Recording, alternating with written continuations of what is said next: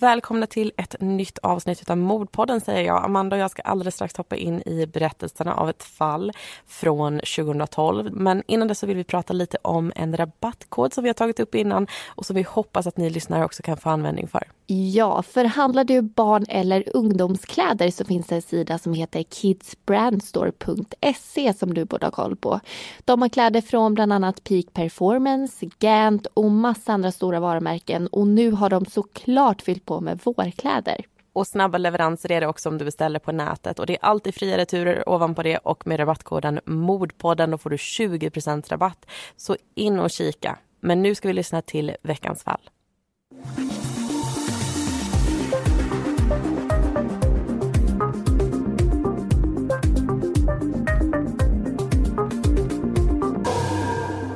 En kväll i december 2012 får SOS Alarm in ett samtal.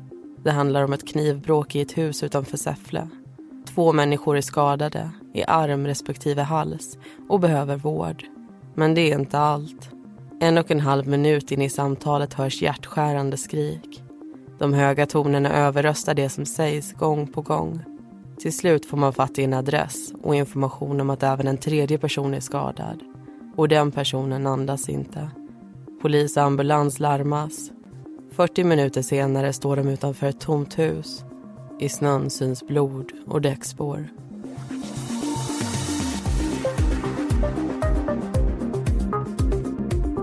Du lyssnar på Mordpodden, en podcast om den mörka verkligheten. I veckans avsnitt ska du få höra berättelsen om väntan.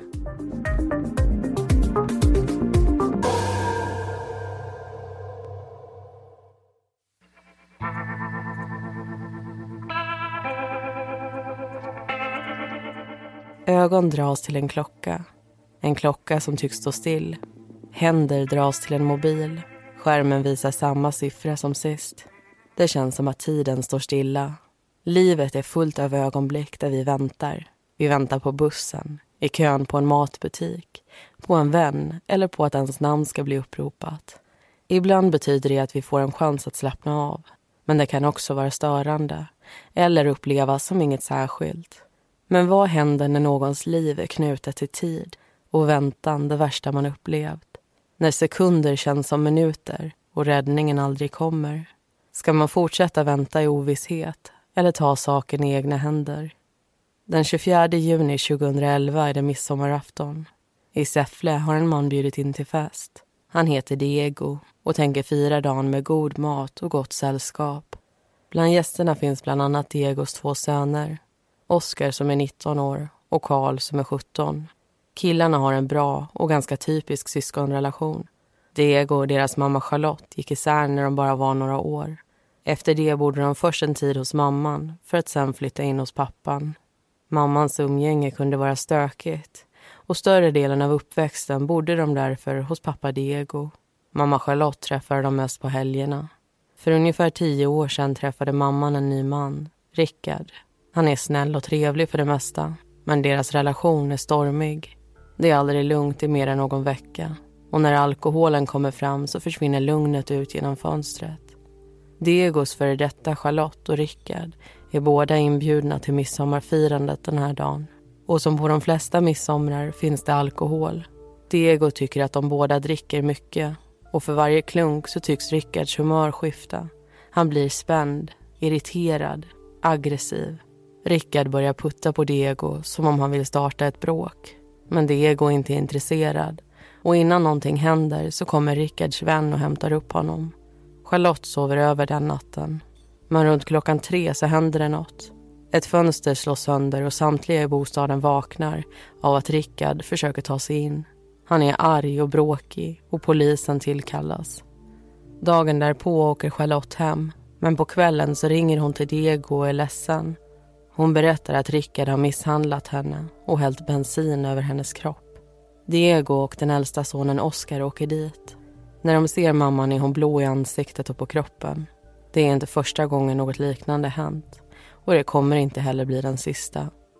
Midsommaråret därpå är det dags för ett nytt tumult. Diego och Charlottes son Karl och hans flickvän bestämmer sig för att fira dagen med mamman och Rickard. Men likt många gånger tidigare leder alkoholen till tjafs Tjafs till bråk och bråk till knuffar. När Rickard håller fast Charlotte på marken går 18-åriga Karl emellan.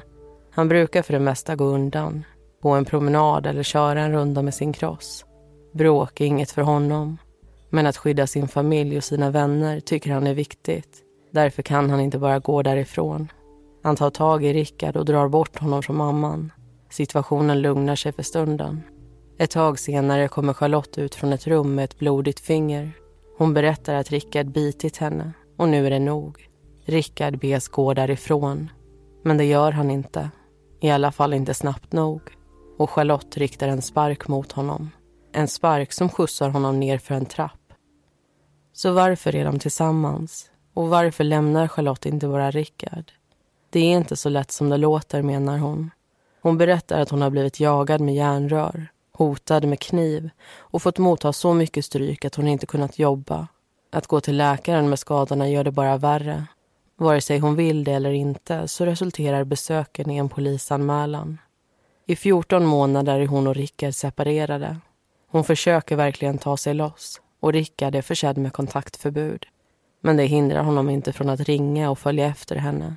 Och under de 14 månaderna så går hennes bilar sönder gång på gång. Bland annat kapas bromsrören. Torsdagen den 6 december 2012 är de tillsammans igen. Bosatta i Rickards hus som ligger avlägset en bit utanför Säffle. Men det betyder inte att allt är bra igen. Hela tiden fylls bägaren på och den här kvällen ska det rinna över. Fem i halv tio tar SOS Alarm emot ett samtal.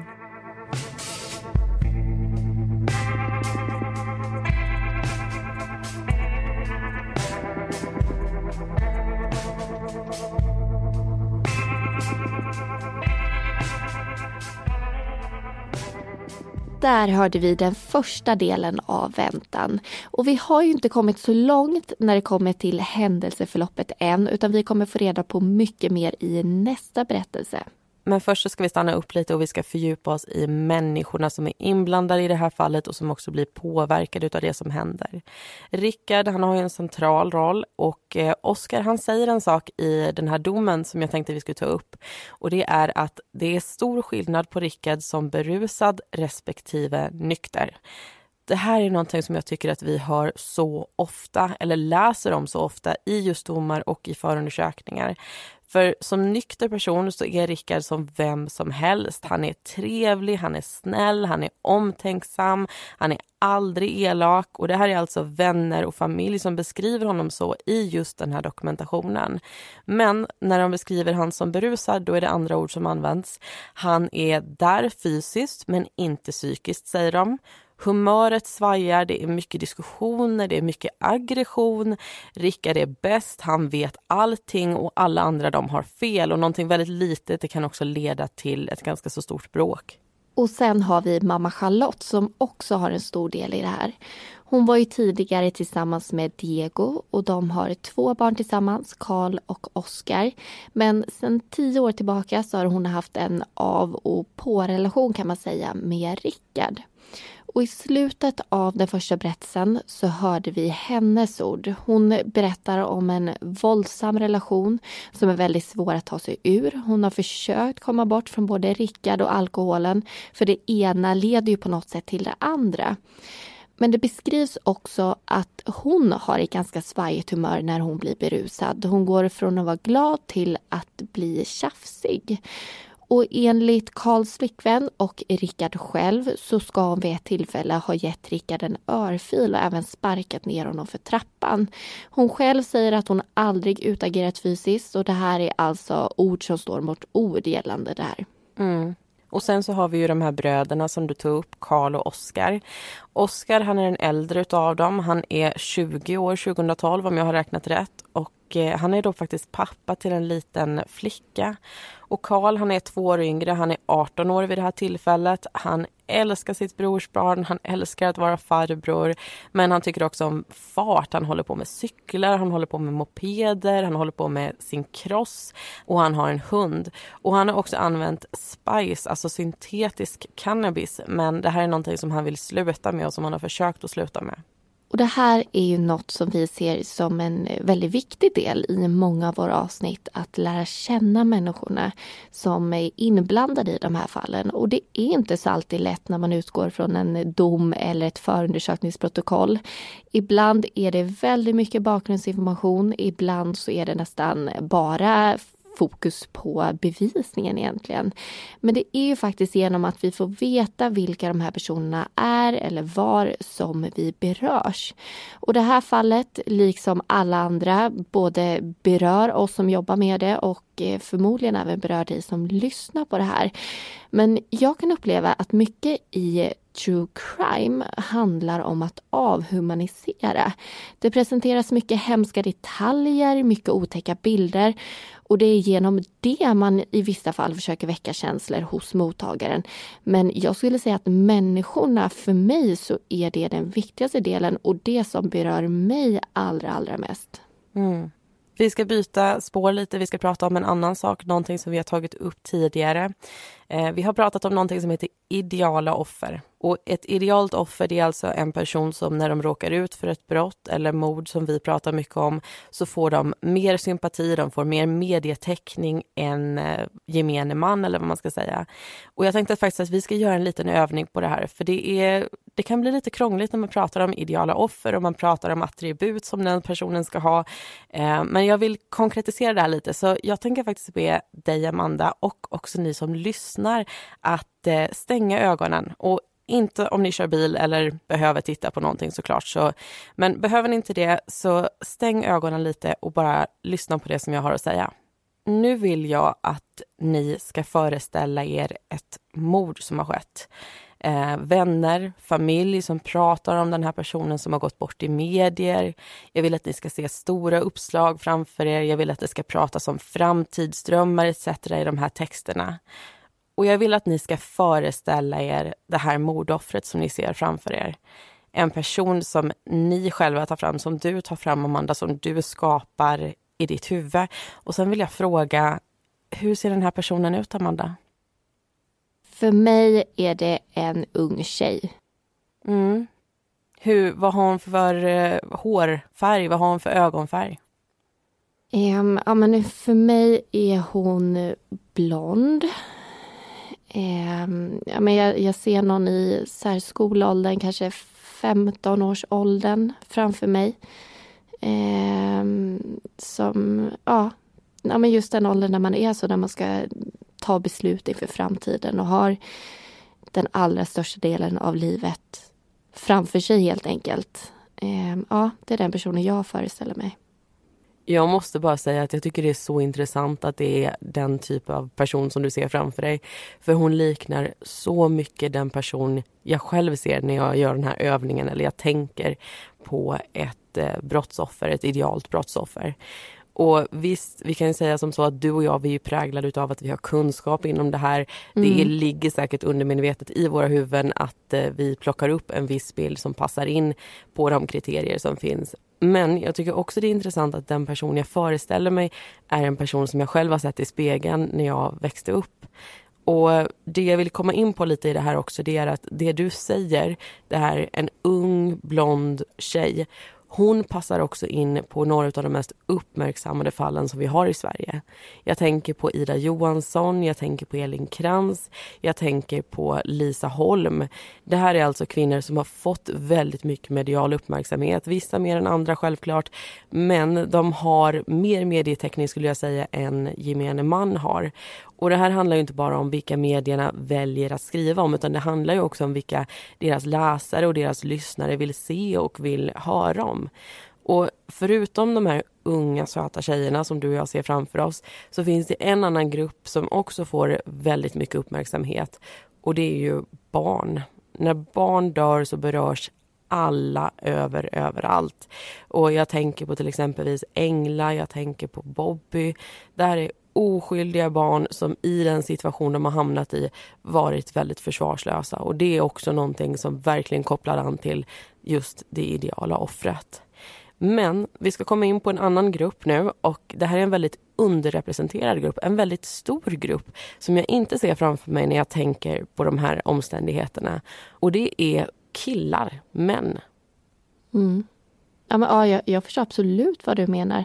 Jag tänker att det skulle vara intressant att höra vilken bild ni lyssnare fick upp. För som sagt, jag eh, kan nog se mig själv som eh, ja, men, lite präglad av allt som vi har läst. Vi har ju läst mycket om det idealiska offret, så det är klart att jag eh, är lite, lite formad redan. Så jag tänker att det vore intressant att höra om den här bilden även dök upp hos er.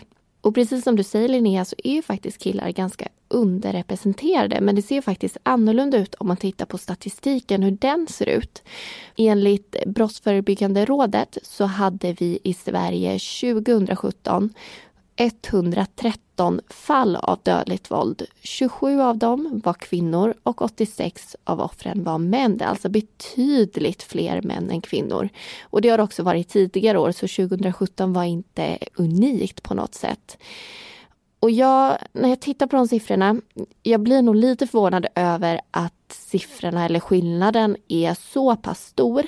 Men trots att män är ganska underrepresenterade så hade jag nog ändå bilden av att det är fler män som är offer i eh, dödligt våld än kvinnor. Just för jag tänker att det är fler män som begår våldsbrott.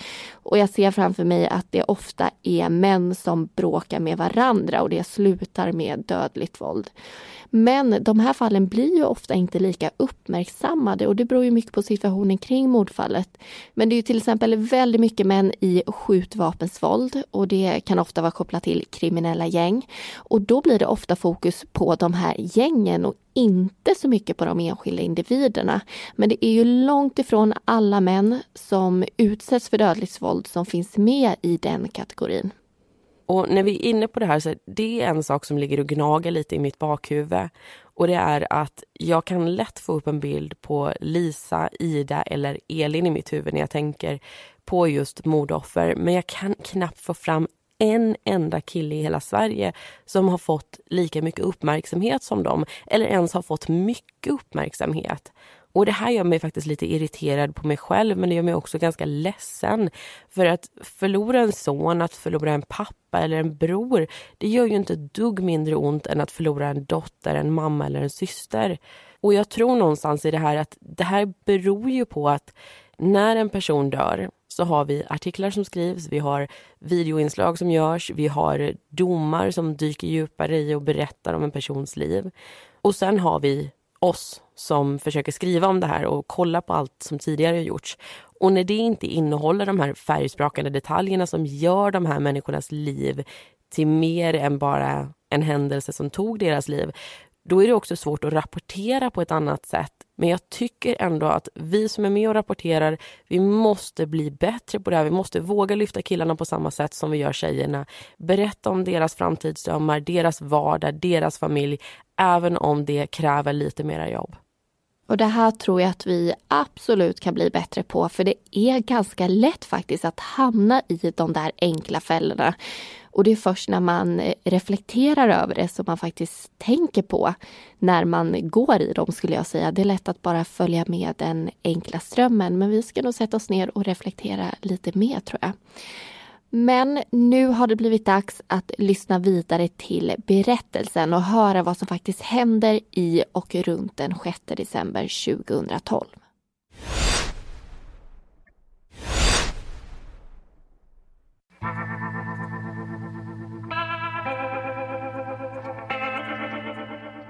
Hösten 2012 flyttar Karl och hans flickvän in hos mamma Charlotte.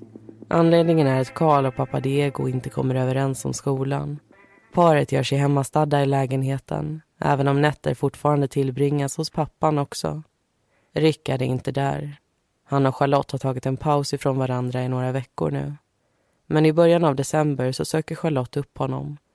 Lägenheten hon bor i har varken varmvatten eller värme. Det har däremot Rickards hus. Huset ligger en bit utanför Säffle, avskilt från allt annat än naturen. Och en måndag så flyttar Charlotte in. På onsdagen storstädas det. Charlotte dammsuger och skurar av golven. Både hon och Rickard har varsin hund som nu också får sällskap av varandra. På torsdagen den 6 december vaknar Karl hemma hos pappan. Han väcker Diego och säger att det är dags att gå upp och jobba. Utomhus är det kallt och de eldar i kaminen för att temperaturen ska höjas. Innan pappan åker iväg äter de frukost tillsammans. Karl berättar att han tänker träffa några vänner under dagen.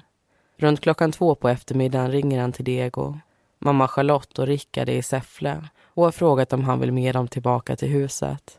Det vill han. Pappa Diego säger att det finns mat i kylskåpet som han kan ta innan han åker iväg. Mamman och Rickard har varit inne i stan för att handla. De har kassar med mat, men även dricka från Systembolaget med sig. De hämtar upp Karl och styr ut på vägen. När de är framme vid huset åker en flaska sprit fram. De tar alla en klunk och börjar känna in matvarorna, ett flak med öl och ytterligare en flaska sprit. De fortsätter att dricka ur flaskan och öppnar också upp ett par av ölen. Efter ett tag inser de att de har glömt handla ett par saker till middagen. Rickard går ut till bilen och sätter sig bakom ratten. Karl i passagerarsätet. Sen kör de återigen mot Säffle. De plockar upp det de behöver och har kontakt med Charlotte på telefon. Men på vägen hem så händer något. Bilen glider av körbanan och ner i ett dike. De är båda två oskadda och kliver ur fordonet utan några skråmor. Bi Say hello to a new era of mental health care. Cerebral is here to help you achieve your mental wellness goals with professional therapy and medication management support. 100% online. You'll experience the all new Cerebral Way, an innovative approach to mental wellness designed around you. You'll get a personalized treatment plan from a therapist, prescriber, or both in a safe and judgment free space. Your cerebral therapist or prescriber will outline a customized plan with clear milestones along the way so you can get to feeling your best. With Cerebral, you're not alone in your mental health journey. We're here to empower you to live a fulfilling life. So take that first step towards a brighter future and sign up today at cerebral.com slash podcast and use code ACasts to get 15% off your first month. Offer only valid on monthly plans. Other exclusions may apply. Offer ends July 31st, 2024. See site for details. Bilen sitter dock fast. Som tur är så inser Rickard att hans hyresvärd bor bara några hundra meter därifrån. De beger sig dit får bilen uppdragen på vägen igen och hämtar lite mjölk i laggården innan de åker hem. När de kommer fram har det börjat mörkna och Charlotte är orolig. Hon har ringt både till sonen Karls telefon som är kvar i huset och till Rickards utan svar. De berättar vad det är som har hänt, att de kört av vägen men att ingen av dem är skadad. Rickards telefon tycks dock ha kommit bort. De går in och sätter sig ner för att prata. Karl börjar berätta om vissa problem han har och hur han tror att de orsakas av Spice. Mamman tycker att det låter som en bra idé när han säger att han vill sluta. Rickard tycker att han kan hjälpa. Han vill vara den som löser allt. Han kallar sig själv för Karls pappa och klappar sig på bröstet. Men Karl tycker inte om det och när han säger emot blir Rickard arg. Men han lugnar sig snart och Charlotte och Karl börjar förbereda middagen. När det är klart dukar de fram och äter. Disken får ligga till senare. Charlotte och Rickards hundar är inne i sovrummet medan Karls hund sitter bredvid honom. Achilles är både beskyddande och lojal. När Karl och hans bror brukar skojbråka kommer den svarta hunden alltid till undsättning. Under kvällen är Karls telefon aktiv nästan hela tiden. Han pratar med flickvännen och flera vänner. Både ringer, smsar och chattar. Han berättar att det varit bråk mellan honom och Rickard tidigare under kvällen. Att bråket resulterat i att Karl blivit biten av en av hundarna i ryggen. Och när klockan är runt halv nio tycks han inte längre vilja vara kvar. Han ber en vän om skjuts därifrån. Sen ställer han samma fråga till en annan. 22 minuter över nio ringer Karl till sin pappa. Telefonen ligger på ljudlöst och ingen svarar. Tre minuter efter samtalet rings ett annat. Charlotte slår in 112 och får prata med en larmoperatör. Hon säger att någon har skurit henne i halsen med en kniv. Kort därpå tar Rickard över luren. Han vill ha dit en ambulans och ska precis rabbla upp adressen när det hörs skrik i bakgrunden. De är gälla och återkommande. Det tar flera minuter innan adressen uppfattas och både ambulans och polis kan tillkallas. Skriken är Charlottes. Hon ber om hjälp, undrar vad Rickard har gjort och skriker att Karl är död. Sju minuter in i samtalet säger Rickard att de måste skynda. Att han kan ha dödat killen. Samtalet bryts och Rickard ringer upp. Han hamnar hos en ny operatör och får förklara igen. Han vill ha en ambulans. Samtalet varar bara en minut. Rickard ringer upp en andra gång. Han säger återigen att han behöver en ambulans. Han har redan gjort hjärt och lungräddning utan resultat. Han kopplas vidare till en sjuksköterska som uppmanar honom att fortsätta. Rickard säger att det inte hjälper och att pojken redan är död. Gång på gång frågar han vart ambulansen är och varför den inte kommer. Sandkornen i timglaset rinner i snabb takt. De väntar och väntar men ser inga blåljus. När klockan är fyra minuter i tio slänger Charlotte telefonen i väggen. Rickard säger att han inte tänker vänta längre utan tar Karl med sig i bilen och köra mot Säffle. Det är också vad han gör. Charlotte följer med och de kör till den närliggande orten, till sjukhuset och polisstationen. De är i desperat behov av hjälp, men båda platserna är mörka och tomma. Det finns ingen där. När larmet går ut över polisradion om ett knivbråk utanför Säffle sätter sig flera poliser i sina patrullbilar. De kör från Karlstad och har en resa på cirka sex mil framför sig. På vägen dit möter de också upp med ambulansen. När de är framme parkerar de och kliver ur sina bilar. Ett hus står framför dem. Runt en gavel kommer plötsligt två hundar springande. Deras ras gör att de ofta förknippas med kamphundar. Men det är två väldigt snälla hundar som når de blåklädda kollegorna. De fyrbenta vännerna slussas in i en polisbuss medan huset och trädgården söks igenom. Ytterdörren står öppen och nycklarna sitter i låset. Inomhus är det varmt. I kaminen brinner det fortfarande. Det finns också flera tecken på våld. Golv och väggar fulla med blod. Glasbitar i farstun och en söndersparkad toalettdörr. I ett sovrum finner de ytterligare en hund, Achilles. Han skakar och är så rädd att de måste bära honom därifrån. Förutom hunden är huset tomt. Utomhus i snön har man dock gjort en upptäckt. Där har man funnit både blod och däckspår.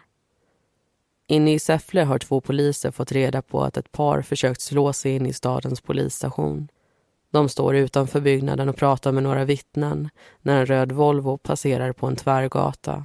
Det går snabbt och när vittnena säger att det är just den bilen de sett vid polisstationen så skyndar sig poliserna att köra efter. Föraren till Volvon stannar självmant vid en parkering och två personer kliver ur. De är blodiga och den ena, kvinnan i sällskapet, kommer emot poliserna snabbt. Situationen upplevs som hotfull och hon läggs ner på marken. Där går hennes aggression över till frustration. Hon skriker att hennes son är död, att han sitter i bilen och hon undrar varför de aldrig kom. Polisen rör sig till framsätet och ser där mycket riktigt en ung man. Pulsen kontrolleras men inga slag känns. Det finns inte längre något de kan göra för honom. Väntan är över.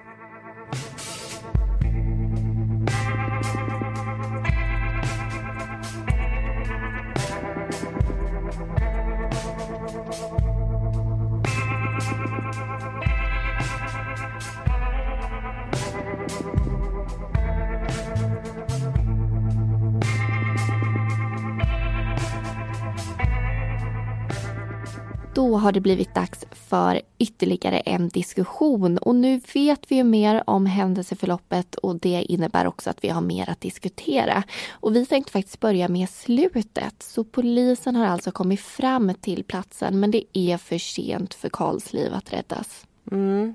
Och vi skulle säga att det tar faktiskt 40 minuter för polis och ambulans att anlända till det här huset. De kör ifrån Karlstad, det är ganska så långt bort och sen så kör de faktiskt dessutom fel på vägen dit. Ambulansen den är där tidigare men på grund av säkerhetsskäl så får inte de åka fram till det här huset själv utan de måste invänta polis. Och vi vet ju att det är ett knivbråk vid det här laget, eller de vet att det är ett knivbråk och att det är flera människor skadade. Så det de inte vet är ju vilken typ av situation som de skulle kunna kliva in i. Det är ju väldigt otroligt att sånt här tar sån tid, att felkörningar sker även om det är mänskliga saker. Eh, men det man inte vet då är att man förmodligen faktiskt inte hade kunnat rädda Karls liv även om man hade kommit lite tidigare. För skadan som han får det är faktiskt ett knivhugg som går rakt in i hjärtat och som orsakar inre blödningar. Men det vet inte Rickard och Charlotte så de försöker ju rädda Karl och gör hjärt och lungräddning och väntar sen på hjälpen. Men till slut så får de nog åka därifrån. Och det kan jag verkligen förstå, just den där känslan av maktlöshet, att man inte klarar av att sitta och göra ingenting. Men när de åker iväg så möts de ju av att allting är stängt i Säffle. Sjukhuset är stängt och polisstationen är stängt. Och att sjukhuset är stängt, det kan man ju tänka är märkligt. Eh, det borde finnas personal till dem som ligger över natten såklart, men jag kan tänka mig att det här sjukhuset är av vårdcentralskaraktär. Polisstationen, där finns det folk dagtid, men kvällstid så är det Karlstad som är bemannat, så där är det ju också tomt. De hittar inte hjälpen och de fick inte hjälpen när de väntade på den. Men till slut så hamnar de på en parkering med en av polispatrullerna. Och de här poliserna som går dem till mötes, de separerar ju på Rickard och Charlotte väldigt snabbt. De ser ju att de är täckta med blod. De vet ju vad det handlar om, att det har varit ett knivbråk. Så det är någonting de gör eh, på en gång. Och sen så konstaterar ju de också att Karl är död och de kallar på förstärkningar. Och under den här processen så är Rickard väldigt lugn, han är väldigt saklig medan Charlotte hon är upprörd, hon är arg, hon kommer snabbt emot poliserna. Hon plockas ju upp snabbt ifrån marken efter man inser att det inte finns ett hot men eh, det vet man ju inte från början. Och Rickard och Charlotte de pratar också med respektive polis som har tagit dem åt sidan. Och i det här läget så säger Rickard att Karl han har gått emellan när han och Charlotte har bråkat. Och att Charlotte i det skedet har hämtat en kniv, att Rickard har tagit den ifrån Karl men också har eh, råkat hugga honom och det är det som har hänt. Charlotte har ju en annan historia. Hon säger att det är Rickard som dödat hennes son och huggit henne i halsen. Båda två grips och deras skador läggs om. Rickard har ett rejält skärsår på ena armen och Charlotte ett ännu större över sin hals. De tar emot sjukvård och deras kläder och saker tas i beslag. Vad som händer sen det reder tingsrätten ut men en del av bevisningen består av samtals och sms-trafik som är ganska intressant. Ja, och den här trafiken den svarar ju inte så mycket på vad det var som hände i just det här skedet när allting går fel, men den svarar på vad som hände tidigare under kvällen. För när klockan är ungefär 20 i sex så chattar Karl med flickvännen och han berättar att Rickard han har kört av vägen. Det är alltså när de har varit inne i stan och eh, är på väg tillbaka till huset. Sen klockan åtta, ungefär lite efter åtta, så pratar han med en vän i ungefär 13 sekunder. Och det enda den här personen hör är att det är väldigt mycket liv i bakgrunden och att Carl säger att han ska ringa upp snart. Och det gör han efter några minuter. De pratar ganska så länge. Och han berättar för den här vännen att eh, det har varit bråk mellan honom och Rickard tidigare under kvällen. Head over to Hulu this March where our new shows and movies will keep you streaming all month long. Catch the acclaimed movie All of Us Strangers, starring Paul Mescal and Andrew Scott. Stream the new Hulu original limited series We Were the Lucky Ones with Joey King and Logan Lerman. And don't forget about Grey's Anatomy. Every Grey's episode ever is now streaming on Hulu. So, what are you waiting for? Go stream something new on Hulu. Och Karl han har faktiskt blivit biten i ryggen av en av hundarna. Det är musik i bakgrunden, det är prat i bakgrunden och eh, Rickard han skriker faktiskt under det här samtalet till Charlotte att om hon inte går ut så ska han sparka ut henne genom dörren. Och strax efter klockan halv nio så chattar Karl med flickvännen där de pratar om morgondagen. Och ungefär samtidigt så ringer han en annan vän och säger att han vill bli hämtad eftersom han och Rickard har bråkat. I bakgrunden så hör vännen hur även Charlotte säger att de båda två vill bort härifrån. Och lite mindre än en kvart senare så hör han av sig till en tredje vän och pratar om att åka därifrån. Karl lovar att ringa upp igen och det gör han strax efter klockan nio. Men då säger han ingenting alls om att bli hämtad eller nämner något bråk. 21.22 så ringer Karl till sin pappa men där får han inget svar för mobilen är tyvärr på ljudlöst. Och det här berättar en hel del om det som hände den här kvällen. Vi vet att det är bråk mellan Karl och Rickard någon gång. Vi vet att både Karl och hans mamma Charlotte vill ifrån det här huset. Och sen vet vi att det också går väldigt snabbt när allt eskalerar. Precis som du sa, det här sista samtalet som Karl ringer till sin pappa, det sker 21.22. Tre minuter senare så kommer samtalet som Charlotte ringer till SOS. Eh, och det är inte tillräckligt med tid att agera för varken vännerna eller för pappan i det här skedet. Och den här bevisningen den blir ju också väldigt viktig, ska vi säga, just den här sms-trafiken, den här samtalstrafiken. Och det beror ju på att Charlottes vittnesmål och även Rickards vittnesmål, de är ju ganska speglade av att de har varit berusade den här kvällen. Både Rickard och Charlotte de har druckit en hel del och eh, man gör en promillekoll i natten efter att man har gripit dem. Och genom den här promillekollen så kan man uppskatta också vad de hade i blodet när allt skedde. Och i dokumentet som läggs fram i eh, domen så säger man att Rickard han borde ha haft runt 2,0 promille och Charlotte 1,9 promille. Det är alltså inte så lite att ha i kroppen. Och den tekniska bevisningen ska vi säga också från brottsplatsundersökningen, den kommer också spela en viktig roll. Och vi måste ju också prata om den här händelsen när Rickard och Karl åker av vägen med bilen och sen får hjälp upp av hyresvärden. Hyresvärden märker ju inte att Rickard är berusad och det här får han ganska mycket frågor om under utredningen. Rickard och Karl säger till hyresvärden att det var ett rådjur som sprungit över vägen. Och hyresvärden letar inte eller ser inte några spår. Och han upplever heller inte att Rickard luktar sprit. Men de var inte speciellt nära varandra så det är svårt att avgöra. Och Rickard han betedde sig precis normalt och körde också därifrån normalt. Så man förstår ju att hyresvärden inte uppmärksammar det här. Och det är ju faktiskt ganska vanligt att människor som dricker och missbrukar kan vara väldigt duktiga på att dölja när de är berusade. Mm. Och vi ska ju återgå till berättelsen. Vi ska få svar på våra frågor som vi har. Men först så vill vi berätta att eh, i år så finns det ju faktiskt mer Mordpodden än det har funnits tidigare i år för de som inte vet det av er. För vi släpper förutom de vanliga säsongerna hos Radioplay även avsnitt hos Podme. Och för 29 kronor i månaden om ni tecknar via podme.com så kan ni alltså lyssna på våra premiumavsnitt.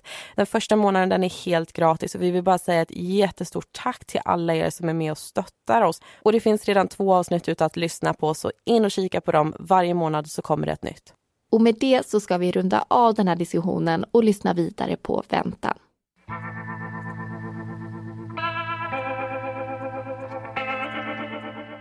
Polisen förhör både Rickard och Charlotte för att reda ut vad som verkligen hände den där kvällen. Rickard håller sig till det han sagt sen gripandet. Efter middagen den kvällen satt de och pratade. Det var så det också började tjafsas. Tjafset övergick till ett fysiskt bråk när Charlotte gav honom ett slag och en knuff in i kylskåpet.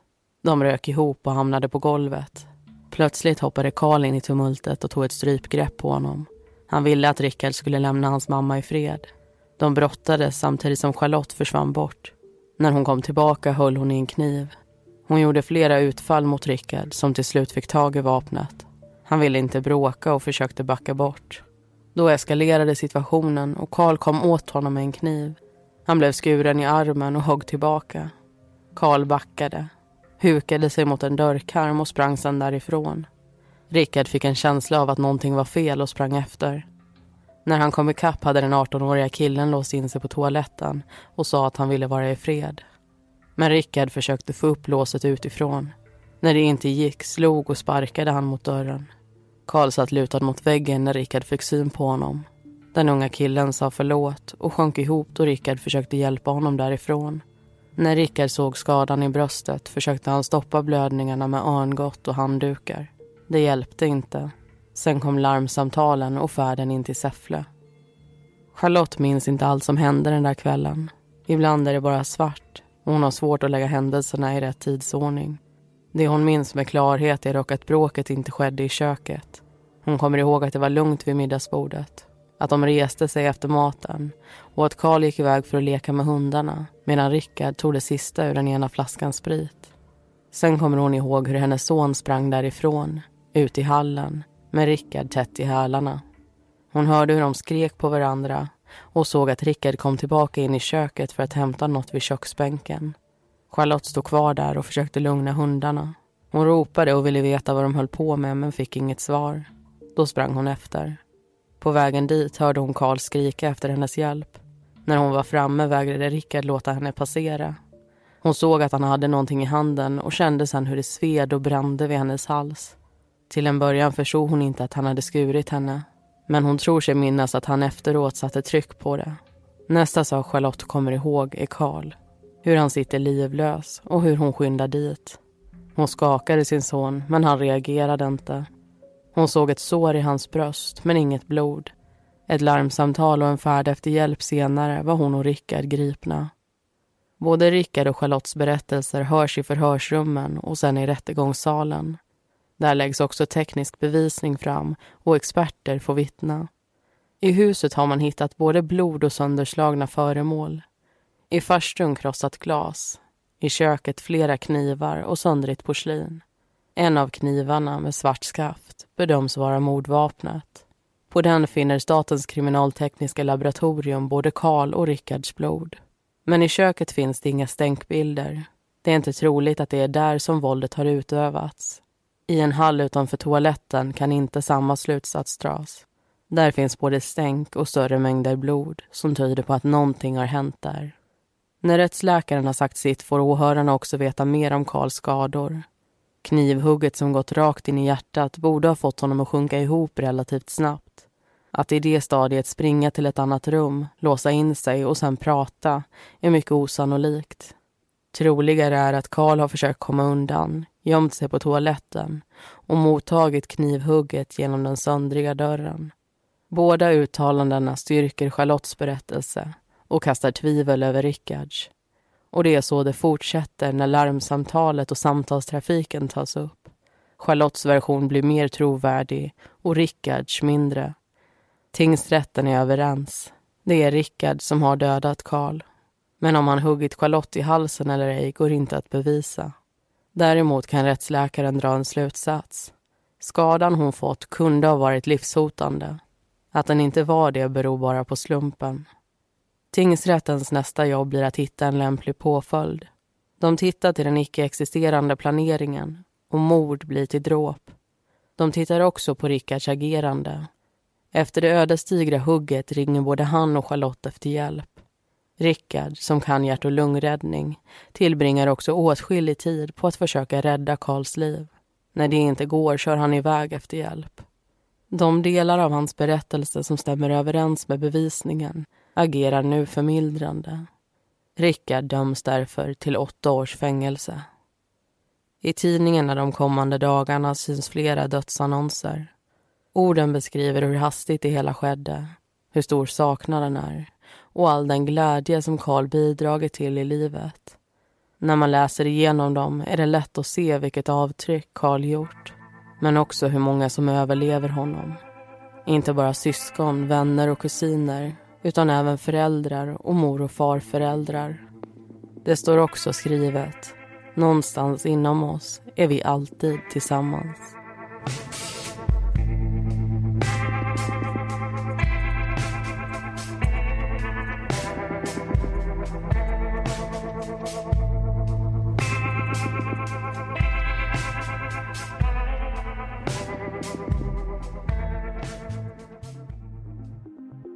Tack för att du har lyssnat på Väntan. Alla heter egentligen någonting annat.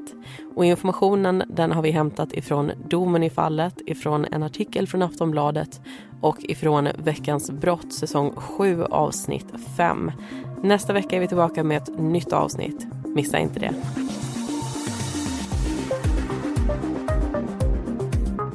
Vi som gör Mordpodden heter Linnea Bolin och Amanda Karlsson. Bakgrundsmusiken består av låtarna Lasting Hope, Lightless Dawn och Soaring av Kevin MacLeod samt Deep Space av Audionautics.